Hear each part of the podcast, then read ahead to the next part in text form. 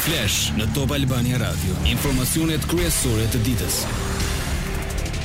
Po ndiqni përmbledhjen e orës 16:00 unë jam Anibame. Ish ministri i Mbrojtjes Fatmir Mediu kërkon të thirrë 90 dëshmitarë në gjyqin ndaj tij për çështjen Gërdeci. Në listën e dorëzuar gjykatës së posaçme kundër korrupsionit dhe krimit të organizuar janë ish funksionarë të lartë si ish ministrat e mbrojtjes të Italisë, Gjermanisë dhe Maqedonisë së Veriut, si dhe ish zyrtarë të lartë të mbrojtjes së SHBA-ve dhe gjeneralë të NATO-s. Ndërkohë GJKKO-ja pranoi kërkesën e Mediut, i cili hoqi dorë nga gjykimi i shkurtuar për të vijuar të procedohet me gjykim të zakonshëm dhe thirrjen e nëntëdhjetë dëshmitarëve në procesin gjyqësor. Një operacion antidrogë u finalizua pas një hetimi gjashtë mujor në kryeqytet, ku u vunë në pranga tetë persona dhe një u shpall në kërkim. Në bashkëpunim mes tyre siguronin kokainë dhe kanabis në sasi të mëdha dhe më pas i shisnin në zona të ndryshme të Tiranës. kryesisht në afërsi të lokaleve të natës dhe të vendeve që frekuentohen nga të rinjtë. Në cilësinë e provës materiale gjatë zhvillimit të operacionit të koduar Kodra e Diellit 3 u sekuestruan 650 doza kanabis, 150 doza kokainë, 1 kilogram po kanabis, qindra qese farmaceutike për paketimin e lëndëve narkotike dy peshore elektronike si dhe pesë aparate celulare. Materialet proceduriale i kaluan Prokurorisë Tiranë. Armbajtje e paleje dhe moskallëzim krimi, dy të arrestuar në lagjen Valas të Cërrikut, në cilësinë e provës materiale sekuestrohen një kallashnikov dhe municion luftarak. Në pranga ranë dy shtetas nga Berati, pas informacioneve të siguruara nga inteligjenca informative, se qarkullonin me armë zjarri në makinë. Ata u kapën në kuadër të operacionit policor të koduar Covered. Një njëzet e katër vjeçar u kap duke transportuar trembëdhjetë emigrantë të paligjshëm në aksin Tre Urat-Përmet, i riu kishte kërkuar njëqind e pesëdhjetë euro për person, ndërkohë në pranga ra një tridhjetë e tre vjeçar pakistanez, pasi kundrejt pagesës njëqind euro po për person, ndihmonte emigrantët që të futeshin ilegalisht në Shqipëri nëpërmjet kufirit të gjelbër me Greqinë. Lajmet në internet në adresën www.topalbaniaradio.com. Emrat e rinj të kabinetit qeveritar ende janë në tryezën e presidentit të Republikës Bajram Begaj në pritje të dekretimit pas kthimit nga Kazakistani. Kryetarit të Shtetit, Kushtetuta i jep shtatë ditë kohë për të dekretuar ose jo propozimet që vijnë nga kryeministri Edi Rama dhe që u dorëzuan dy ditë më parë. Begaj pritet të mbërrijë në Shqipëri sot pasdite.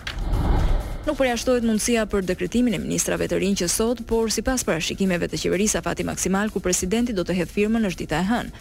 Në fillim javë parashikohet një seancë plenare jashtë radhe rreth orës katërmbëdhjetë për votimin e ministrave të rinj, që më pas duhet të shkojnë në Presidencë për të bërë betimin. Pritet që të martën të nisin punën. Lajme nga rajoni.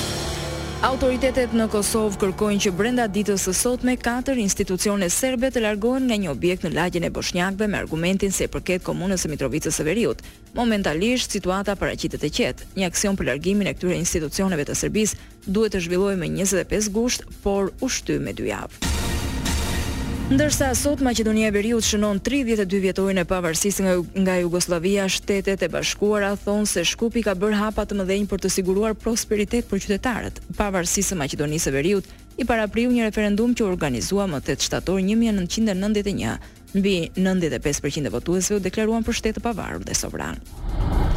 Në mesazhin e tij, presidenti maqedonas Stevo Pendarovski u përqendrua në zhvillimet e fundit e aferat dhe abuzimet me pushtetin. Kritika pati edhe lideri i opozitës Hristijan Mickoski. Në tridhjetë e dy vjetorin e pavarësisë së Maqedonisë së Veriut drejtuesit e institucioneve kanë marrë mesazhe të shumta urimi nga liderë botërorë, mes tyre Sekretari amerikan i Shtetit, Antony Blinken. Me mjete të posaçme, qindra efektivë të ushtrisë greke vazhdojnë të evakuojnë banorët nga komuna e përmbytur e Palamasit si rezultat i motit të keq. Qindra njerëz kanë mbetur të bllokuar pa ushqim dhe ujë nga stuhia shkatërruese Daniel, që la pas tetë viktima, si dhe solli miliona euro dëme. Sipas meteorologëve, fenomeni është më ekstremi që ka goditur vendin fqinj nëntëdhjetë vitet e fundit. Lajme nga bota. Ndërsa vazhdon lufta ruse në Ukrainë, sot forcat pushtuese goditën me raketa rajonin e Zaporizhias dhe të Sumit. Si pasojë e sulmeve u plagos një person. Ndërkaq, Kievi pretendon për sukses të pjesshëm në afërsi të Bahmutit që u pushtua në maj pas muajsh luftimesh intensive dhe që e kanë shndërruar qytetin në gërmadha. Shtabi i përgjithshëm ukrainas raporton se forcat e tij kanë zmbrapsur disa sulme ruse në qytetet dhe fshatrat në lindje dhe në jug të shtetit, përfshirë dhe në vendbanimet në Liman, Bahmut dhe Shahtarsk, në rajonin e Donjeckut. Raportimet për përparime në fushëbetejë, nuk mund të konfirmohen në mënyrë të pavarur. Qeveria e Rumanisë pritet të miratojë një plan për të përmirësuar infrastrukturën rrugore për në portin e Konstancës në Detin e Zi. Projekti është pjesë e një investimi më të gjerë që më shumë drithëra ukrainase të kalojnë tranzit. Konstanca përbën rrugën më të madhe alternative për eksportet e Ukrainës. Ukrainës. Dështimi i Gjeorgjisë për t'u integruar në Bashkimin Europian do t'i shkonte për shtat Rusisë, kështu deklaroi kryediplomati i Unionit Josep Borrell, ndërsa i bëri thirrje Tbilisit të zbatojë reforma demokratike. Brukseli e ka njohur perspektivën europiane të Gjeorgjisë vitin e kaluar.